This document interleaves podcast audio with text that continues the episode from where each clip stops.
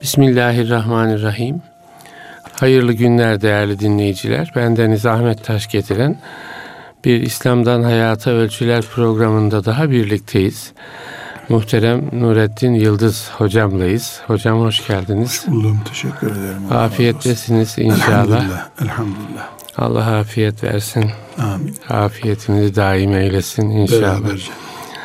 Ee, hocam aileyi konuşuyorduk e, aile içindeki problemli durumları, kadının, erkeğin e, yaşadığı ve sonunda aileyi sancılar içerisine sürükleyen problemleri saydınız. Yedi madde halinde saymıştınız.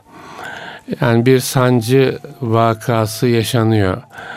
Ee, yalnız bizde değil, belki bütün dünyada e, bir sancı vakası var. E, bunun sonuçları ailenin e, ya mutsuzluğu, aile devam ediyor ise mutsuz olarak yani kadın tarafını, erkek tarafını, genç çocuklar tarafını mutsuzluğa iten bir iklim ortaya çıkıyor ya da boşanma e, ile sonuçlanıyor hadiseler. E, oysa aile bunun için kurulmaz. E, yani e, ailede hedef sekinete ulaşmak her iki taraf içinde çocuklar içinde bir ruh dinginliği diyoruz ona ulaşmak. E, problemler nasıl ortadan kaldırılabilir? Nasıl aza indirilebilir? Belki problemsiz bir hayatta söz konusu değil nasıl aza indirilebilir? E, bu noktada e, yani aile ortamını nasıl bir herkesin sığınabileceği alan haline getirebiliriz? Bunlar üzerinde konuşalım bugün diye düşünüyoruz. Buyurun efendim. Bismillahirrahmanirrahim. Ben şöyle bir giriş yapmak istiyorum üstadım. Boşanmayla sonuçlanıyor dediniz ya. Evet. Keşke diyesim geliyor. Yani keşke boşanma en büyük tehlike olsa. Yani daha büyük tehlikeler yani, var. E, bazen hani ölüme de rahmet okunuyor deniyor ya. Evet. Yani boşanma doğru ölümcül kabul edeceğimiz bir vaka ama aile açısından. Aile açısından keşke boşanmayla sonuçlanma en büyük tehlikemiz olsa. Evet. Yani en büyük korktuğumuz şey boşanma olsa keşke.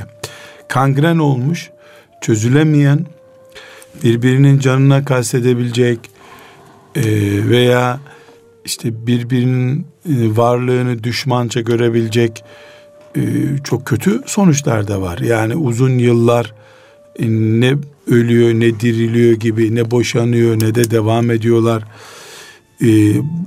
Bu büyük bir tehlike boşanmaktan daha kötü. Yine boşanmaktan çok daha kötü bir durum. Bunu sevgili dinleyenlerimizi tenzih ederek söylemek istiyorum. E, eşlerin haramı birbirlerine karşı e, mubah görme sonucu da geliyor beraberinde. Yani aile işlemiyor. Evet. Cinsel ihtiyaçlar açısından da e, ortada bir ihtiyaç var. E, ortada yasaklar ve haramlar var. E, benim için herhalde bu haram yoktur. Çünkü Hı-hı. ben zor bir aile şartlarında yaşıyorum. Düşüncesini de şeytan yerleştirebiliyor ki e, öyle bir kere harama düşmek yüz kere boşanmaktan daha kötü. Evet. Yani boşanma yine kanuni bir şey, dini bir şey. Tabii. Boşanmanın da Allah'ın hani sevmediği olsa da bir helal değil mi? Yani doğal bir ifrazat boşanma diyelim. Evet. Yani ifrazat neticede yani bünye atıyor onu. Ama bir çirkin bir harama düşmenin gerekçesi olduğu zaman boşanamama veya boşandıktan sonraki süreç e, billah bu asıl tehlike bu yani. Dünyanın evet. çökmesi bu. Onun için siz boşanma ile sonuçlanıyor deyince bunlar hemen kıvılcım gibi aklımda e, Aslında doğru yani. söylüyorsunuz. Yani biz tabi boşanmayı hakikaten bir aile bütünlüğü var. Onun darmadağın olması gibi e, bir sonuç. Bu el hak doğru ama. Evet, yani, bu doğru böyle. yani o. Ama dediğiniz şey yani Boşanmıyorsun ama haramlar içerisinde yüzen bir hayat ortaya çıkıyor. Ve bu haramları kendine mubah görüyorsun. Haklı Evet, buluyorsun kendini. Evet. evet. Bu kadın için de böyle, erkek için de böyle. Daha çok erkeğin düştüğü bir sıkıntı bu. Evet. Ama e, bir, bir tehlikenin en tehlikeli boyutlarından biri.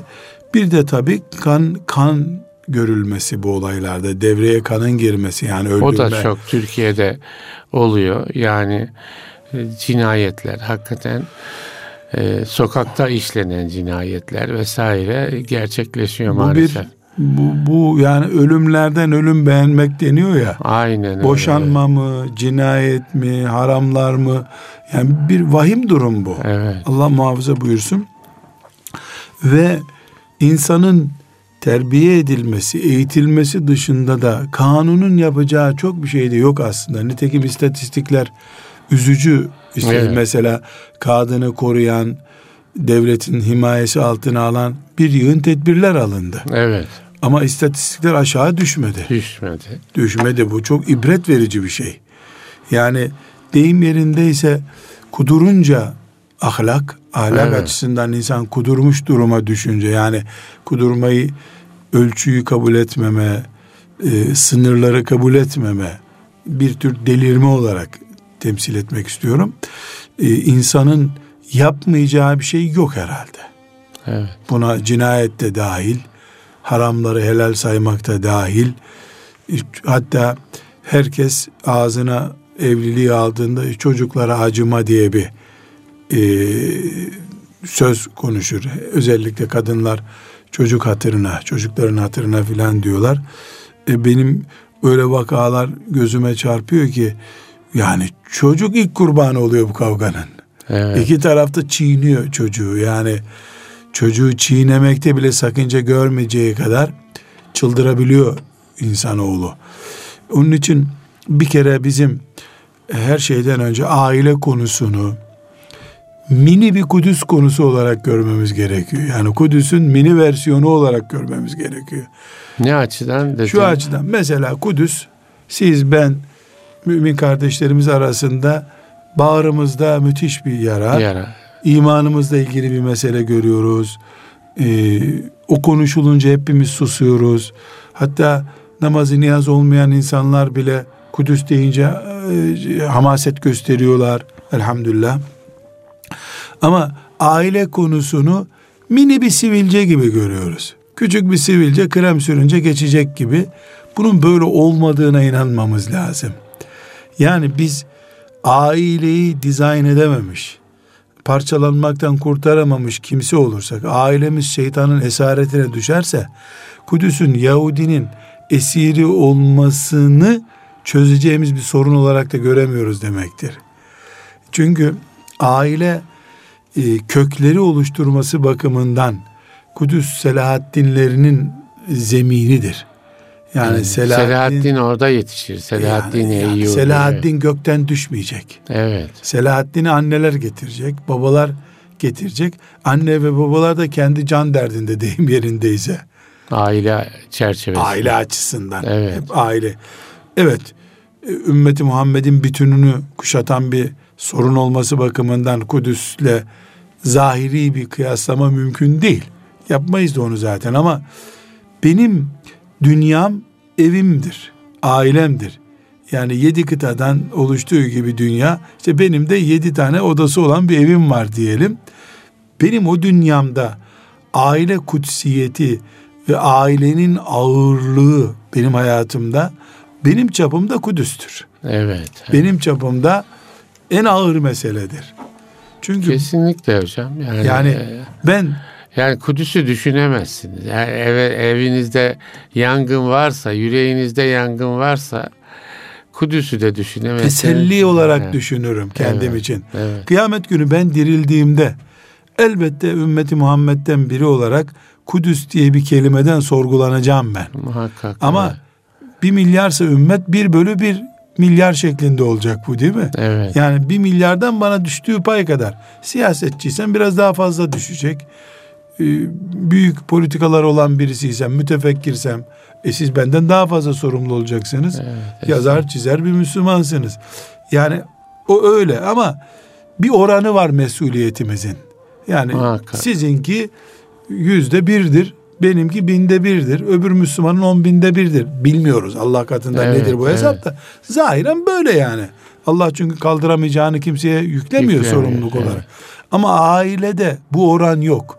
Evet. Yüzde yüz Yüzde benim yüz, sorumluluğum. Tabii. Kadın için, erkek için, ev, kadın erkek çocuklar yok. için. Aile evet. deyince üstad isterseniz kural koyalım. Kadın veya erkeği konuşmuyoruz. Evet. Yani suçluyu erkek kadın olarak değil, e, sorumluyu erkek kadın olarak değil de aile diyelim. Evet. İkisinin eşit karşılığı olsun. Nasıl evet. elektrik deyince artı eksi kutup anlıyoruz. Aynen. Evet. İkisinin ortamından bir aydınlık çıkıyor evet, çünkü. Evet. Bu sebeple bir ayrım yapmaya ihtiyacımız yok.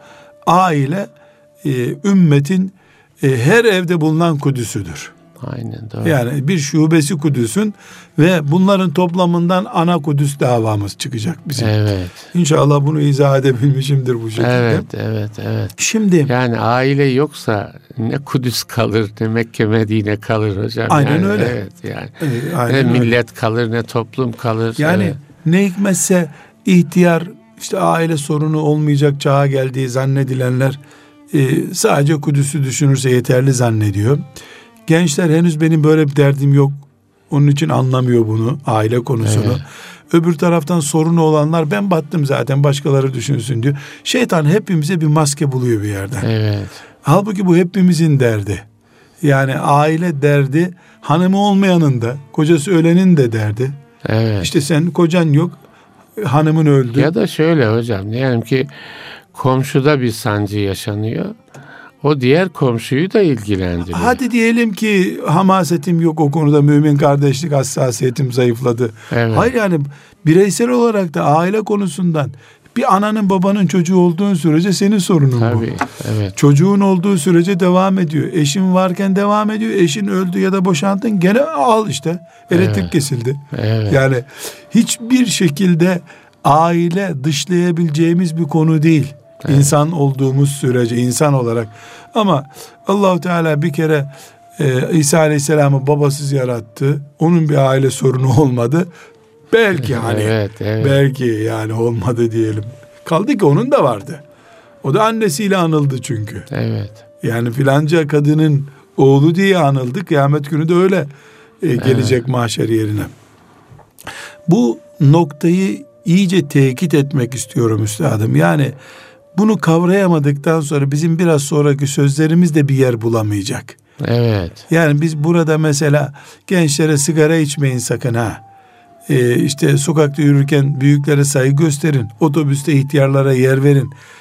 Der gibi bir şey konuşmuyoruz. Onlar basit anlamında değil. Evet. Onlar da ahlaki bir konular ama burada ahlaki görünse de hayati bir konu konuşuyoruz. Evet, aynen doğru. Hayati bir konu, aile konusu, hayati bir konu ve bu derdi zahiren ortaya çıkanla çıkmayan herkesin ortak konusudur bu.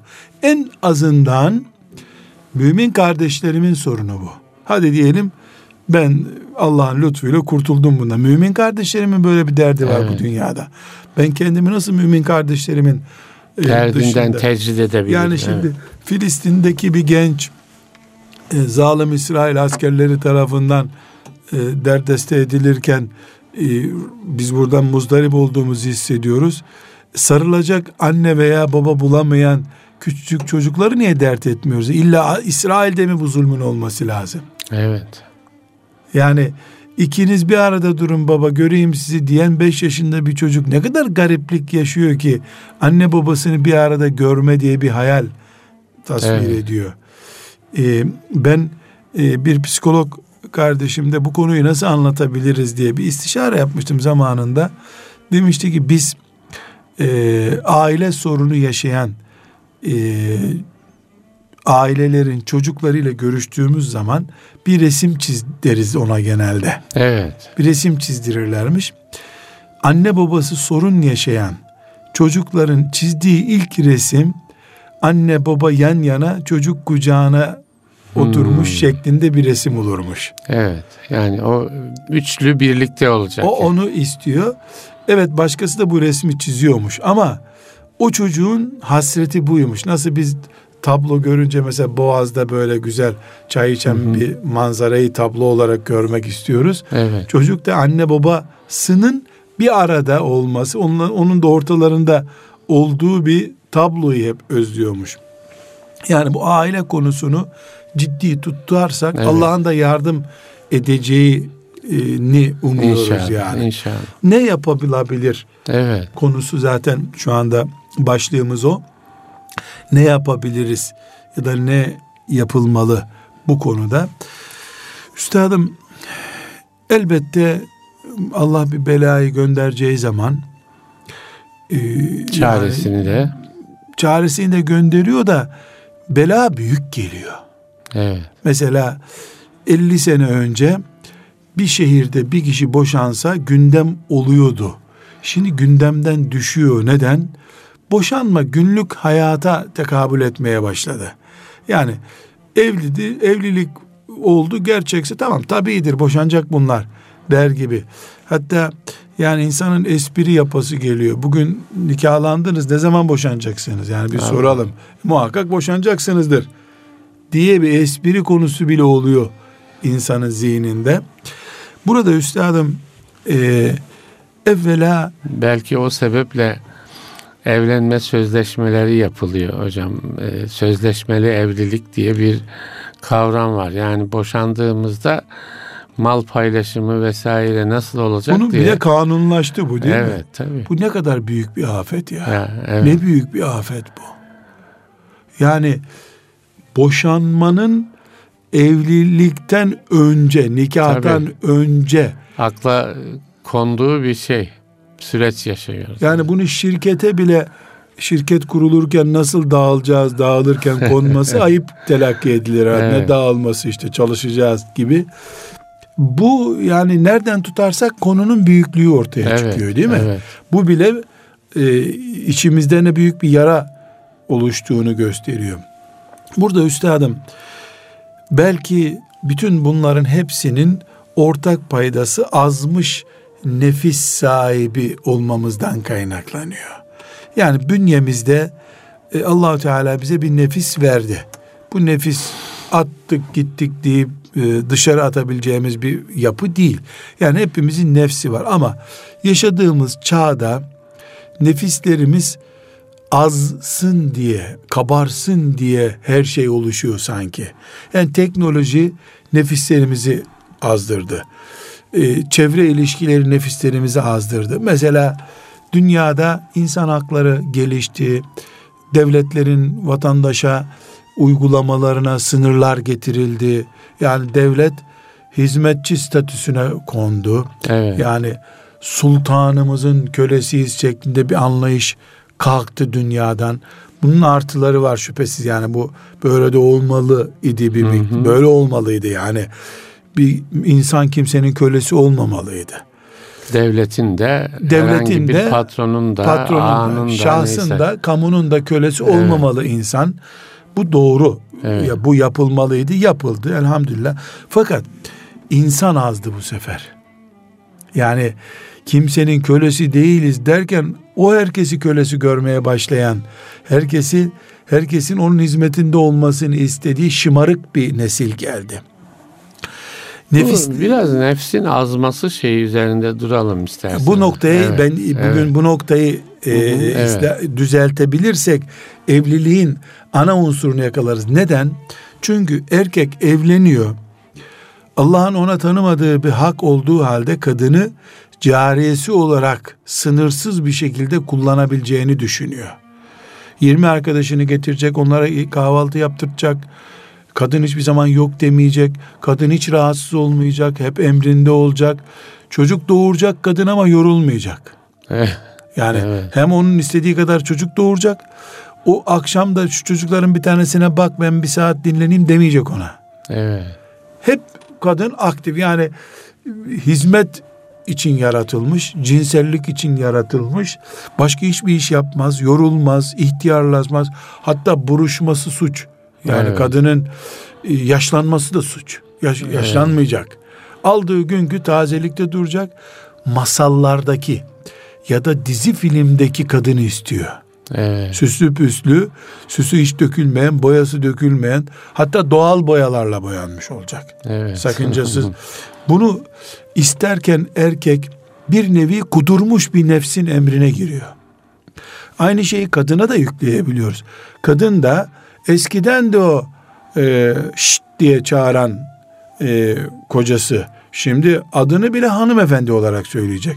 Bunda haklı yani şşt diye niye çağırıyorsun kadını? Evet. Haklı bunda ama erkekleşmiş kadın rolüne bürünüyor bu sefer.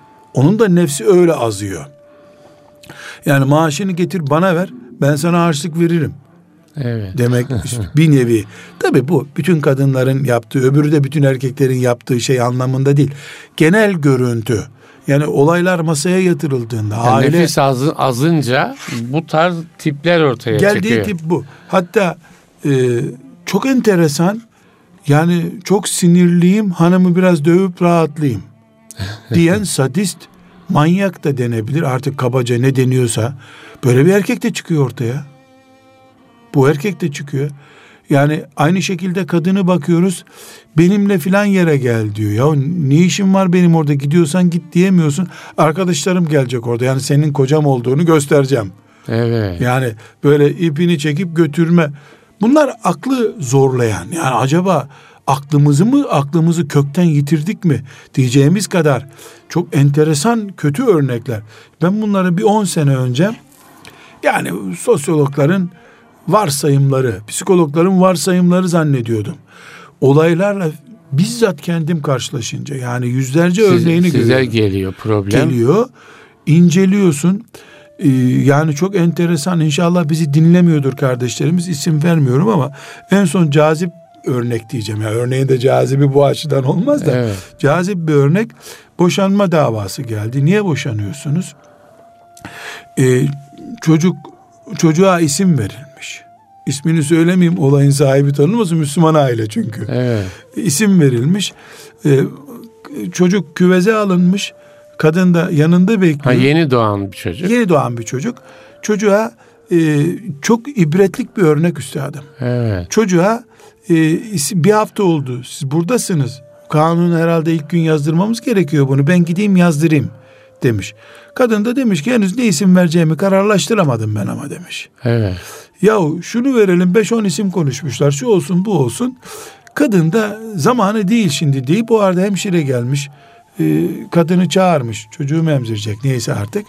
Adam da çıkmış nüfus dairesine gitmiş. O konuştuğu kadının en meyilli olduğunu zannettiği İsmi? isimlerden birini yazdırmış gelmiş. Evet. Kadın demin nüfus kağıdını göstermiş. Bak yavrumuza nüfus kağıdı aldık demiş.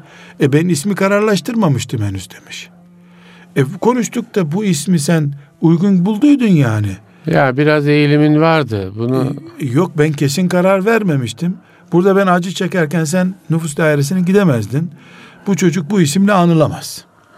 ya kadın etme eyleme derken bu kriz geçirdi zannetmiş. Büyütmemiş bu olayı. Bir ay sonra hastaneden çıkmışlar. Çocuk bir yaşına gelmiş. Çocuk ismiyle çağrılmıyor evde. Baba çağırınca protesto oluyor. Yemek yapmıyor o gün. evet. Bu büyüyor. Dava Allah. büyüyor. Adam diyor ki bir iki ay sonra ya madem bu kadar alındım ben gideyim hazır çocuk mahkemeye de gitmek gerekmiyor. Gideyim bu kağıdı değiştireyim. İsmi değiştirelim. Bir anlamı yok. Bensiz bir isim verildi buna bir defa diyor. E, çocuğumuzu ne yapacağız? İsimsiz kalsın diyor. Derken şeytan müthiş bir bor madeni buldu şimdi. Şeytan için bu, bu bulunur bir şey değil. Yeni evlenmişsin. Bir senelik evlisin. Çocuğun olmuş. Allah sana büyük bir nimet vermiş. Ya bunun ismi senden habersiz konmuş. Bu bir cin ismi değil nihayetinde. isim konmuş. Bu olay bitsin. Hadi tamam adam alttan almış. Bir daha gidelim. Al nüfus kağıdını sen anne olarak git değiştir demiş. Neyse yok. Bu isim de değişmiyor. Tabii ama e, evlilik cüzdanları değiştirmeyi uygun buluyorlar. Allah Allah. Kadın diyor ki bu konuda bana sorulmadığına göre ileride sen çok şeyler yaparsın boşanalım diyor. Adam sonunda e, madem öyle boşanalım deyince vay sen nasıl evet dedin direnir insan diyor. Anne babalarını devreye sokuyor. İkisinin annesi babası geliyor. Ee, ikisi de Ya siz iyi bir dayak istiyorsunuz. Deli misiniz diyor. Espri böyle mi olur diyor. Espri yapıyor çocukları zannedip çekip gidiyorlar. Evet. Yani hakikaten ama Şimdi, Bundan böyle bir sonuç çıkar mı? Buraya gelir mi diye. Akılları almıyor. Evet. Espri yapıyor düşünüyorlar. Evet. Ondan sonra neyse işte bir buçuk sene sonra bana geliyorlar. Bir yolunu bulup. Bittikten sonra Yok. değil. Daha bitmedi. Şimdi erkek madem öyle boşanacaksak boşanalım deyince isim konusu unutuluyor. ee, Bu defa boşanma. Nasıl sen boşanalım teklifimi kabul edersin davasına dönüşüyor. Evet. Da bana gelme nedenleri başka. Bu konuşmalarımız e, boşanma sayılır mı? Hmm, evet. Konuşmanın yani biri demiş onlar siz boşandınız aslında. Çünkü böyle demeniz çok kötüydü. Kadın tutuşmuş bu sefer. Evet. Ben onu akıllandırmak için yaptım filan diyor. Ben dedim ki yanlış yere geldiniz dedim. İkiniz acilen psikiyatriye gidin dedim. Çocuğu da bir annesine, bir anne annesine bir yere emanet bırakın. Siz psikiyatriye gidin tamir ettirin kendinizi dedim. Dinle de bu kadar oynamayın. insanlıkla da oynamayın. Benim kanuni yetkim olsa dedim. Hani trafik kazasında iki taraf anlaşıyor da evet. sonra devlet kamu davası açıyor ya. Çünkü yolu meşgul ettin, kaldırıma vurdun filan. Ben sizin dedim kanuni bir yetkim olsa sizin insanlık davası diye ikinize de bir dava açardım dedim. Allah'tan korkmuyor musunuz? Nasıl bunu yaparsınız ya? Ben deli miyim dedi adam. Bilmiyorum dedim. İşte gidin psikiyatriye bir sorun dedim. İkinizden de şüphelendim dedim. Böyle bir ağır konuşunca üzüldüler tabii. Ondan sonra e, işte siz de sen, şok yapar. Sen ne isim teklif edersin dedi. Size bir şey teklif edemem dedim. Size bir şey teklif edemem. Siz psikiyat, psikiyatriye gidin. O size isim teklif etsin dedim. Hala çocuğun ismi için mi bir şey soruyorlar? Yok bari ismi vermeyi lütfedip kabul etti ikisi de. yani hocam siz şimdi beni dinlerken Allah bilir kağıtta böyle okuduğum ya da benim için romanlaştırdığım bir şey konuştuğumu zannediyorsunuz. Yok yok yani bunlar olur. hocam ama bu hangi dünyada oluyor? Kudüs'ü konuştuğumuz bir dünyada oluyor değil evet, mi? Ben 20 evet. sene önceki bir şey ya da Kudüs'ün işgalinden önceki olayı konuşmuyorum. Evet. Bu bir, bir birkaç aylık bir olay bu. Yani yeni taptaze bir olay bu.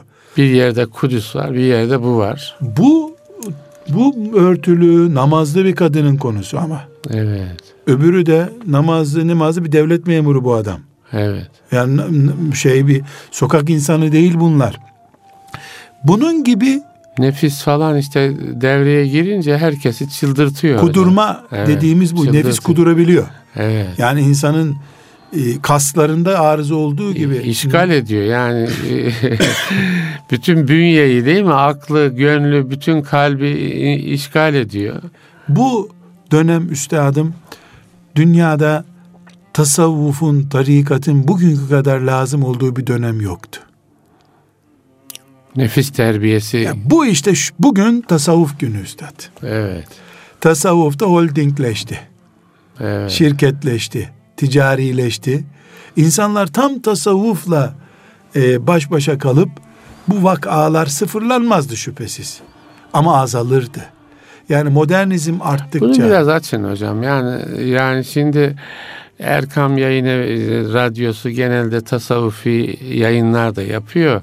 Ama kaç kişiye duyurabiliyorsunuz? Yani şunun için diyorum. Yani şimdi sanki yani laf gelimi e, tasavvuftan bahsediyormuşuz gibi. Bu nereye çare olacak tasavvuf burada? Yani Şimdi, tam zamanı dediğiniz şey neden zamanı? Çünkü şunun şundan dolayı zamanı tasavvuf nefis terbiyesidir. Dine evet. ilave değil yeni Tabii. bir din çeşidi getirmiyor. Tabii. Değil mi? Evet. İbadetleri artırmıyor. Evet. Nefis terbiyesi yapıyor. İnsan başıboş kalınca azıyor. Bu başıboşluğu önlüyor. Evet. Resmi bir nüfus kağıdı vermiyor kimseye ama nüfus kağıdından daha güçlü bir bağ oluşturuyor. Gönülleri dağılmaktan kurtarıyor tasavvuf. Evet. Gönüller dağıldığı zaman, kalpler saçılıp savrulduğu zaman bu kazalar meydana geliyor bu sefer. Çünkü tasavvuf bunu neye dayanarak söylüyorum? Tasavvufun yaygın çıkış dönemi Abbasi şımarıklık dönemidir. Evet. Abbasiler şımarınca ki tıpkı bugünkü gibi teknolojisi olmayan ama serveti olan bir şımarıklık oluştu Bağdat'ta. Ee, diğer Abbasi hükümranlığının olduğu yerde Endülüs'te, Bu şımarıklığa karşı Kur'an her dönemde vardı, hadisler her dönemde vardı. Tasavvuf dediğimiz e, özellikle kalp boyutuyla ilgilenip o boyutu dizginlemeye çalışan, ayarlarına ne, nereye gidiyoruz? Yani ya kendimize bir bakalım. Kalbimiz elden çıkıyor. Onu da müminleri fabrika ayarlarına döndürme diyeceğimiz. Evet, yani evet. ashab-ı kiramın o özenilecek hayatını gündeme getirip haydi oraya doğru gidelim deyip yaşlı dedelerin çocuklar yollarda araba ezmesin diye kolundan tutup parka götürdüğü gibi, gibi evet. e, şeyhin vazifesi bu zaten. Elinden evet. tutup insanların e, cehenneme gitmesini, trafik kazası yaşayıp cehenneme yuvarlanmasını önleyerek yaşamalarını sağlama. Erkeğiyle, kadınıyla tasavvufa en muhtaç olduğumuz zamandayız şu anda. Bu yani ailede aile bireylerini böyle bir kendine getirme değil mi? Yani aile bireyini şimdi tasavvuf bu zamanda kadın aile para ve ticaret mefhumunu dizayn edecek. Bu ikisinde zaten biz kaybettik. Camiler sıfır mesela İstanbul'da camilerde namaz kılınmıyor diyebiliyor muyuz? Osmanlı'da da bu kadar kılınıyordu zaten. Yani namaz kılınıyor elhamdülillah. Ramazan elhamdülillah. orucu bir de üstelik törenlerle tutuluyor. Hacca ancak kura ile gidebiliyoruz değil mi? Yani ibadetler konusunda olağanüstü bir derdimiz yok elhamdülillah. Ama yani iki, demin dediniz hocam dindar bir aile dediniz. E, evet yani, namazlı bir aile. Namazlı bir aile. İkisi de akşam namazına duruyor, sabah namazına Duruyorlar. duruyor. Ama kalpler birbirine aile böyle. Benim, benim önüme geldi mesela evet. kadın böyle yani sadece sesini duydum. Öyle bir kadın olarak geldi önüme. Yani evet. çıplak bir aile olarak gelmediler. Evet. O vakayı söz ediyoruz evet, değil mi? Evet. Şimdi iki konuda Müslümanlar dindar olduklarını unutuyorlar. Bir aile mahremiyetleri konusunda, iki para, ticaret konusunda. Hmm. Nefsimizi zapt etmekte zorlandığımız iki şey var. Mesela çok basit bir örnek. Müslümanlar tarihin en iyi dönemini yaşıyorlar siyaseti İslamlaştırma iddiasında. Evet. Yani siyasette o kadar bozulmuşluğumuz yok. Üç kişi beş kişi bozuluyor her zaman. Defo her zaman çıkıyor ama Müslümanlar siyasette 50 senedir iyi bir noktaya geldiler. Evet. Ama ticarette iyi bir noktaya gelemedik. Gitgide faiz mubahlaşıyor. Gitgide ailemiz dağılıyor. Gitgide aile mahremiyetleri dediğimiz kadın erkek ilişkileri konusunda sıkıntı yaşıyoruz. Yani iki para ve ailevi konularda zafiyetimiz var ve nefislerimiz dizginlenemiyor bu konularda.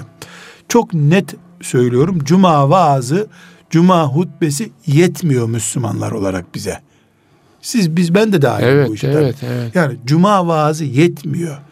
Bana yavrum bunu niye böyle yaptın diyecek şefkatli bir dede ağzı lazım. Evet. Bir, Belki sürekli bir yoğrulma lazım hocam. E, tabii bu bir kere demekle evet, olmuyor. Sürekli bir yoğrulma lazım. Ya yani, ben cuma akşamları onun yanında bulunacağım. Yani dizginini elinizde tutmanız gerekiyor. Nefsin değil mi? Orada? Tabii.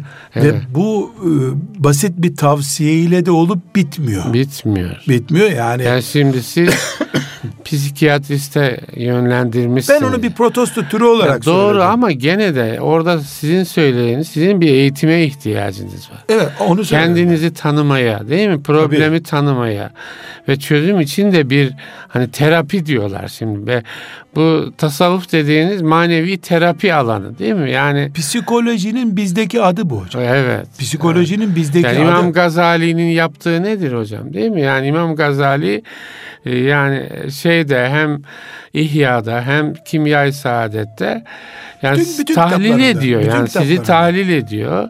Size diyor ki yani bak sen bunu şunu şunu şunun için yaptın. Mesela kadına diyor ki ya erkeğe diyor ki senin şu davranışlarının arkasında şu var. Kibrinin ardında bu var. Ne bileyim nefse kul olmanın ardında şu var diyor. Yani bize aslında tasavvufun böyle bir e, ta, terapi yönü var. Yani. Terapi yönü yok. Bu. Tasavvuf evet, bu. Evet. Yoksa cuma namazını kıldıran imamın adı değil o. Evet. E, yani bizim ticaretimize de el koymuyor. Vergimizi almıyor. Evet. Yani bu tasavvuf Bağdat'ta İslam'ın kaybolup gitmesini önledi. Evet. Endülüs'ten İslam'ın sıfırlanmasını önledi. Çünkü İslam o şımarıklıkla kaybolup gidebilirdi. Doğru. Yani kaybolup gidebilirdi. Ee, evet tek Doğru baş yani kimi insanda da kayboluyor. Yani ferd olarak baktığımızda bir kişi ülke, kişi ha, değil ülke ama bu. olarak da kaybolur. Yani Allah korusun. E senin yani devlet İslam devleti olunca üstadım Evet. ticarete Müslüman hakim oluyor. Yönetici hep Müslüman yani e, ipler hep Müslümanların elinde. Dolayısıyla 3-5 Müslüman şımardığı zaman ipler salındı mı bütün Bağdat gidiyor. Bütün Evet. Endülüs gidiyor. Kurtuba gidiyor. Ya evet. Dolayısıyla tasavvuf evet İslam'ı tek başına tasavvuf bugüne getirdiği iddiası akılsızlıktır. Yani daha iyi bir kelime bulamıyorum yani. Evet tabi. Bütünüyle İslam geldi bugünlere ama bu boyutunu nefis terbiyesi boyutunu tasavvuf bugünlere getirdi. Mesela ben iki örnek isim zikredeceğim. Ee, de- deniyor ki Said Nursi tasavvuf zamanı değil dedi. Evet. İbn Teymiye tasavvuf düşmanlığı yaptı. Bu iki ismi sadece örnek olarak veriyorum. Bana göre Said Nursi'den daha iyi tasavvufçu yok. Tarikatın yaptığı her şeyi tarikat ismini kaldırıp kendi yaptı. Ben Şu de, ben de getir- aynısını söylüyorum. Yani hocam. bu ne biçim tasavvuf düşmanı olmak Yani ki? ben de kendi hayatına e, yani tasavvufi disiplini vermiş bir insan.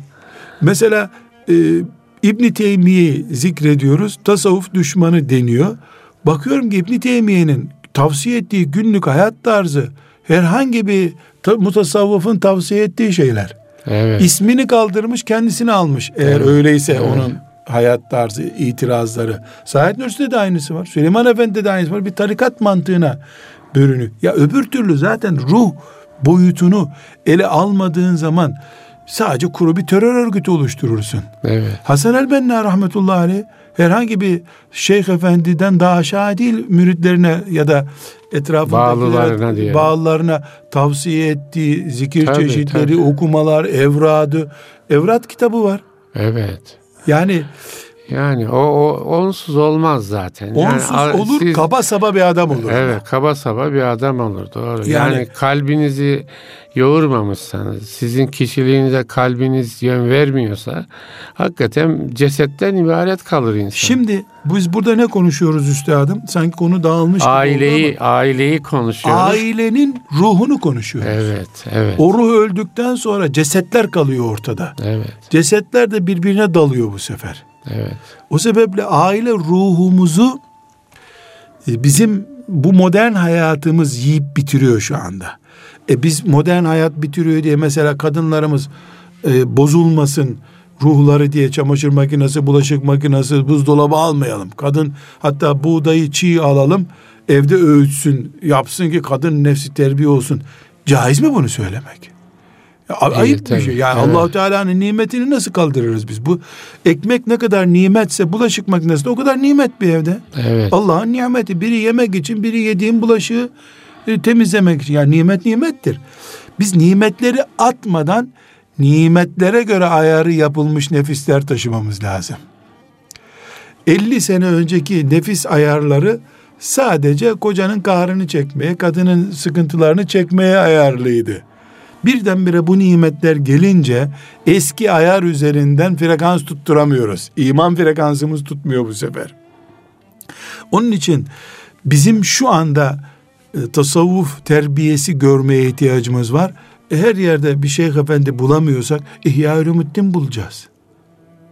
Yani İhya Ulumuddin okunmadıkça bir evde bu sorunların önünü kapatabileceğimizi zannetmiyorum. Bugün çok muhtacız buna. Çok muhtacız. Bizim genç bir hatıramı Bir, bir yani aileler için bir iksir verdiniz. Yani ihya, ihya okunacak. İşte ama İhya-i Ulumuddin'i terbiye kitabı olarak okuyacağız. İbadet kitabı olarak okumayacağız. Niye? Evet. Çünkü orada kalkarsın Hanefi mezhebine aykırı bir şey bulursun. Bu kitapta yanlışlık var zannedersin. Şafii bizzat bu. Evet. Rahmetullahi aleyh. Hadis kitabı da değil bu. Bukhari gibi okunacak bir kitap da değil. Evet. İhya Ulumuddin terbiye kitabıdır. Beni nasıl tahlil ediyor? Nasıl anlıyor? Bana İnsanı yön nasıl veriyor. çözümlüyor? Mesela sinirlenen adamın sinirlerini teskin edecek psikolojik bir kitaptır o. evet. çok psikolojinin e, tavsiye edeceği şeyden de daha iyidir. Daha önce söylemiştim ben bir psikolog kardeşimizle e, size de geliyor bazen program yapıyoruz. İhya Ulumuddin'i taradık baştan sona. Evet. O zaman bana dedi ki hocam dedi Yani e, Müslümanlar psikoloji ile ilgili fakülte açacakları zaman bu kitap ana ders maddesi olması lazım dedi. Elbette evet. Yani o yurt dışında eğitimini görmüş birisiydi. E, yani tuttuğum notlar bana yeter hocam dedi. Böyle haftalarca okuduk. Baştan evet. sona taradık e, İhya Ulumuddin'i. Ben bir arkadaşla e, Seyit Kutup okumaları yapmıştım gençliğimde. Evet. E, yoldaki işaretleri okumuştuk. Fizilalden hmm, okumalar evet. yapmıştık. Üzerinden o 40 sene geçti ama. Evet biz de ilk böyle tercümeler çıktığında Maraş'ta gençler İmam Hatip e, gençliği olarak oturup şey yapmıştık. O günün evet. enerji kaynağıydı onlar. Evet, şu anda da sönmüş de, değil yani. De yani. Şu anda evet. da sönmüş değil.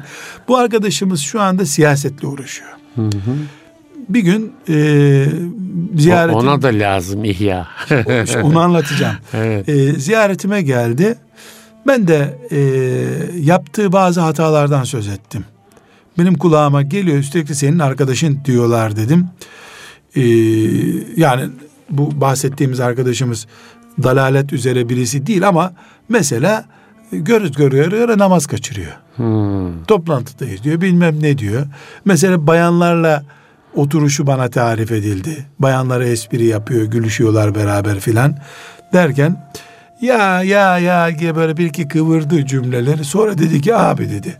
Biz dedi zamanında yanlış yaptık. Bu yanlışın sebebi de sensin dedi. Hmm. Niye dedim? Beraber dedi yoldaki işaretler okuduk ya dedi. Ya dedi bazı ilaçların mideye dokunmaması için yan ilacı da varmış. Sen onu niye bilmiyorsun? Niye bana ihya okutmadın dedi. Hmm. Bakıyorum şimdi ihya okuyanlar teşkilatta benden daha adepliler dedi. Evet. Çok hoşuma gitti bu tespiti. Dedim zaman geçti mi dedim. Çocukların okusun evde dinle dedim. Ya kulağıma bir şey girmiyor artık. Çok yoğunuz dedi. Allah Allah. Baktım ızdırabını çekiyor. Evet hiç olmazsa o kalmış. Ama o, o Müslüman insan ya bu onun imani açıdan tenkidim değil. Onun zaten itirafı. Hı hı. Biz ihya da okumalıymışız biraz. Evet. Diye düşündü. Ee, ben gerçi ondan sonra ihya okudum. Ama onun, o okuduğumuzda ihya gündemde yoktu. Daha radikal böyle evet. asıp kesen e, şeyler lazımdı. E, ilaçlarda da gerçekten böyle yani midene dokunur bu ilaç diye e, tutuyorlar sana mideyi koruyucu ilaç veriyorlar bu sefer. Çünkü kaş yaparken göz çıkaracaksın. Şimdi üstadım nefis bütün dünyayı elde etse doymuyor. Evet. Bu nefsi saldığın zaman ona bir kadın yetmiyor. iki kadın yetmiyor. Gözünü bir daha geri almıyor. Bu nefsi saldığın zaman kocası ayağını öpse yetmiyor ona. Daha fazlasını istiyor erkek ve kadın ayırmayacağız diye başta konuştuğumuz evet, için. Evet. Bu sözlerimin hiçbiri ne erkeğe ne kadına değil. İkisine beraber. Kendimize konuşuyoruz. Yani. Kendimize Hayatı kim yaşıyorsa ona tabii, konuşuyor. Tabii. Kadında da nefis var. Erkekte de nefis var. İkisi de açmış dişlerini üzerimize yürüyor. Yani nefsin e, ısıran boyutu kadın ve erkek içinde geçerli.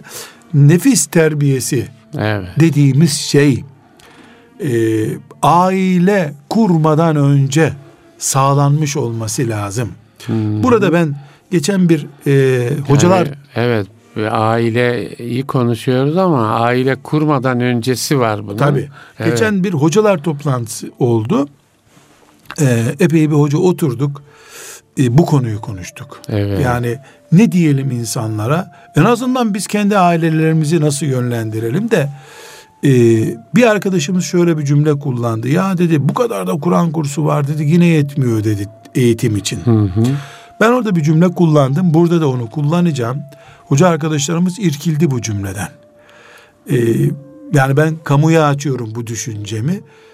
Ayet değil hadis değil söylediğim söz. Dedim ki arkadaşlar Bakalım hav- bakalım biz irkilecek miyiz hocam? Ya bilmiyorum siz nasıl anlayacaksınız? Dinleyenlerimiz nasıl takdir edecekler? Evet hafızlık eğitimi bizim elimizdeki şekliyle eğitim değildir. Eğitim yapmıyor. Hafızı eğitmiyoruz biz. Evet. Dolduruyoruz. Evet. Kur'an dolduruyoruz. O yüzden hafız bir kız niçin kaşlarını aldırır da dolaşır İstanbul sokaklarında diye tereddüt ediyoruz, endişe ediyoruz. Hafız bir çocuk nasıl sigara içer diyoruz. Yani Kur'an yüklemiş olmamız hazine olmayı değiştirmiyor. Kur'an ebedi hazine olarak çocuğun yüreğinde. Ama eğitimi yok çocuğun bu konuda. Dolayısıyla Kur'an Kur nesli muhtevasıyla buluşmuyor. Buluşmuyor. Buluşmuyor. Sadece metniyle kendisiyle buluşuyor. Evet. Dolayısıyla biz Kur'an ezberleten hocalar olarak insanların beklentilerinin dışında bir iş yapıyoruz. Çünkü neden? Siz çocuğunuzu bir hafızlık medresesine verirken İmam Gazali olacak çıkacak diye düşünüyorsunuz değil mi? Evet. Hafızlıktan bunu bekliyorsunuz. Evet. Hocanın derdi ne orada? İmtihanı kazanacak, ezberi güçlü bir hafız yetiştirmek istiyor. Dolayısıyla bugünkü on binlerce yetişmiş hafızımız Kur'an nurunu yansıtan biri olarak çıkmıyor medreselerden. Bu medreselerin hatası mı? Hayır. Kur'an kurslarının hatası değil bu. Kur'an kursları Gazali Eğitim Merkezi değil. İhya Eğitim Merkezi değil Kur'an kursları. Kur'an kursları tasavvufun yaptığı işi de yapamaz. Yapamıyor nitekim. Ee, Ama bir hafızlık içinde bir Kur'an kursu süreci olmazsa yani olmaz. bunun bir maddi manevi boyutu var diyelim. Onu, Hafızlık maddi boyutu bunun. Maddi boyutu nasıl onu Kur'an olacak? kursu veriyor. Yani, Kur'an kursu evet, veriyor. Evet. Bunu yeterli görmemiz olumsuz sonuç doğuruyor. Evet. Muhakkak bunun bir ruhi boyutu da olması lazım. Evet. Bu boyutta bir tarikatın, bir ekolün kölesine dönüşmüş bir insanı kastetmiyoruz herhalde biz. Mesela Kur'an kursları müfredatına ihya özeti gibi bir şey konabilir. Bu, bunun içinde önce hocaların bu eğitimi alınması gerekiyor olabilir. Yani hoca da nitekim hafız sadece. Evet. Görünüyor. 23 yaşında. Hafızlık tekniğini bilen insan. Tekniğini biliyor. Çok iyi de hafızlık yaptırıyor. Ama 5 yaşında önüne getiriliyor çocuk ya da 10 yaşında ya da 15 yaşında getiriliyor çocuk diyelim. O çocuğa Kur'an ruhunu verme tekniğini bilemiyor. Bilemeyebilir de zaten. Evet. Çünkü 22 yaşında çok rahat Kur'an kursu hocası oluyor insan evet, şu anda. Doğru. 22 yaşında ne tecrüben var? Kendi evet. çocuğu yok, evli değil bir defa büyük oranda. Kendi çocuğu yok, bir çocuk şefkati ruhu almamış.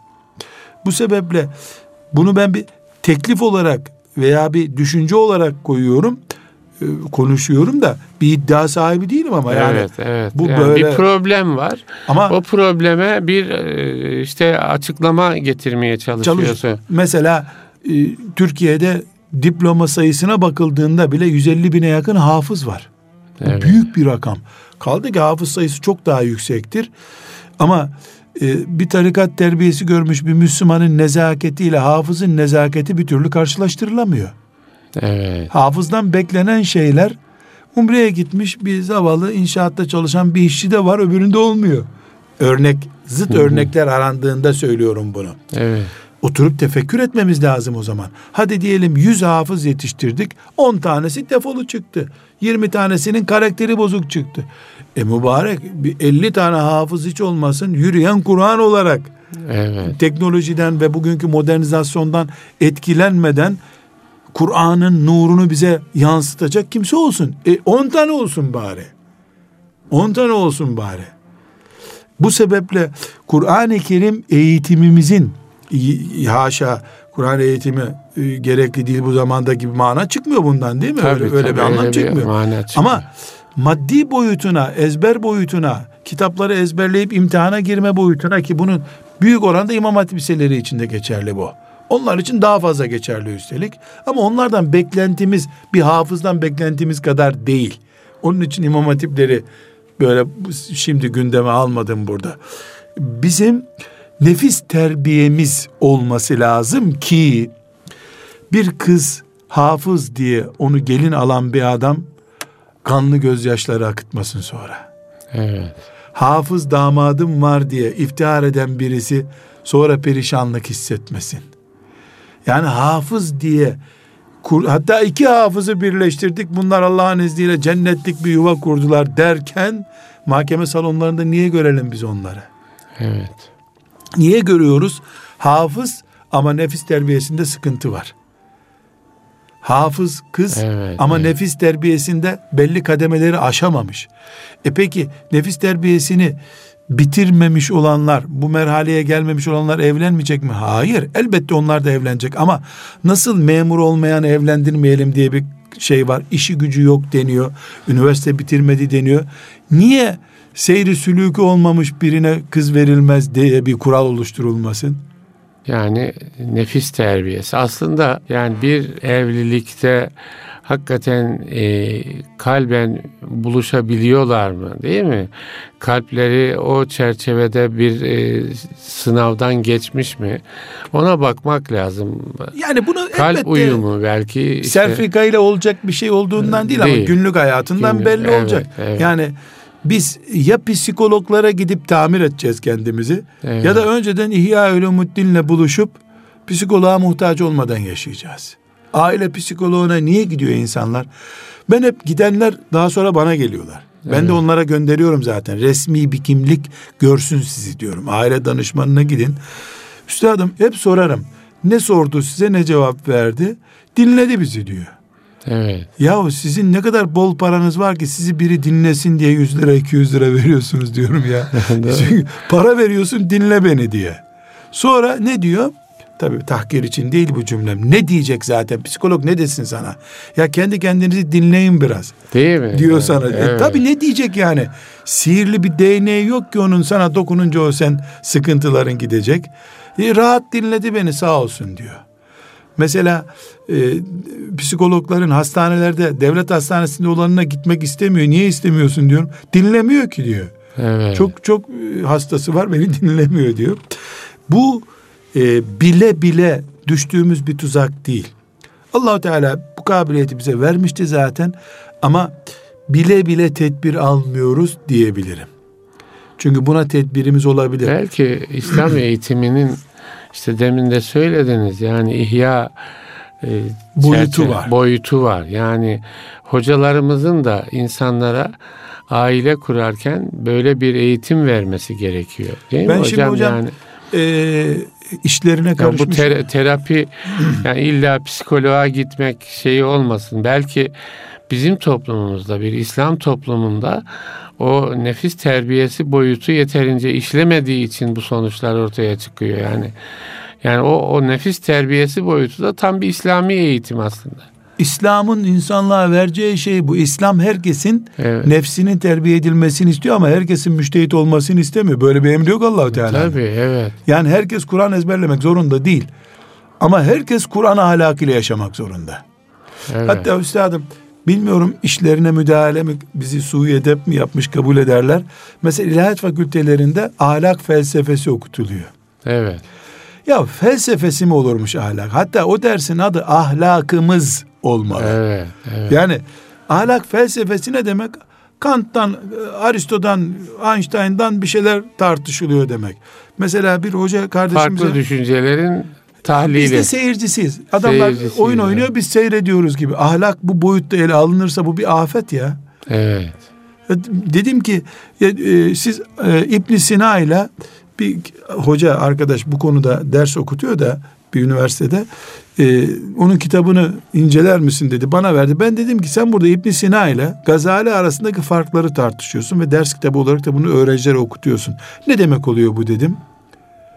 İkisi de birbirini öldüresiye dövüşüyor orada fikirleri açısından yani. Evet.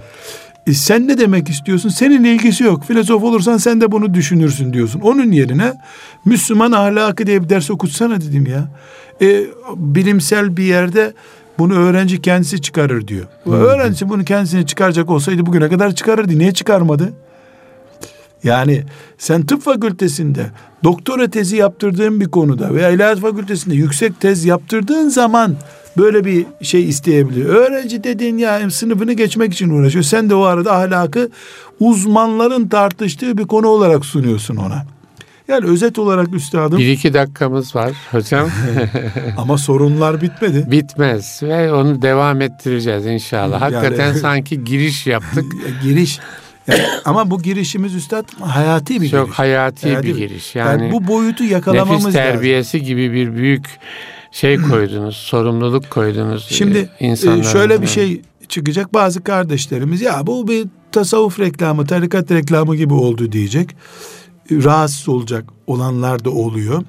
Tamam. Adına tasavvuf denmesin Demi, hocam. Yok ne ne dersen de. Evet. Adına ne dersen de insanların nefislerini terbiye edelim ama bu dijital bir ortamda olmayacak. Evet. Yani kablo bağlayıp da nasıl mesela belli iş yerleri emniyete alarm bağlantısı kuruyor. Öyle olacağı yok bunun. Adamı hazırlayacaksın, eşiyle baş başa bırakacaksın. Kadını hazırlayacaksın, anne olacak, eş olacak, baş başa bırakacaksın sorumlu olduğu kimselerle. Peygamber Efendimiz sallallahu aleyhi ve sellem bunu ne yaptı? Hepiniz çobansınız dedi. Çobanlarınızın evet. haddini bilin, kıymetini bilin dedi. E bunu nasıl yapacağız biz? Evet. Sadece hadis okuyarak yapacağım diyor biri mesela.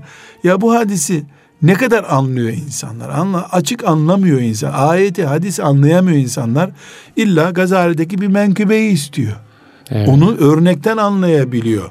Evet. Sonra Efendimiz sallallahu aleyhi ve sellemin uslubu bu zaman için yabancı kalmış olabilir. İnsanlar çünkü haber dilinden başka, film dilinden başka bir dilden anlamıyorlar.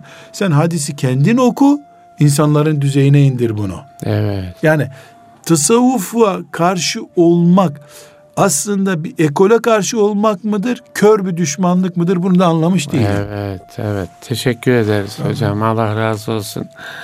Değerli dinleyiciler, İslam'dan hayata ölçülerde Nurettin Yıldız hocamla aileyi konuşmaya devam ediyoruz.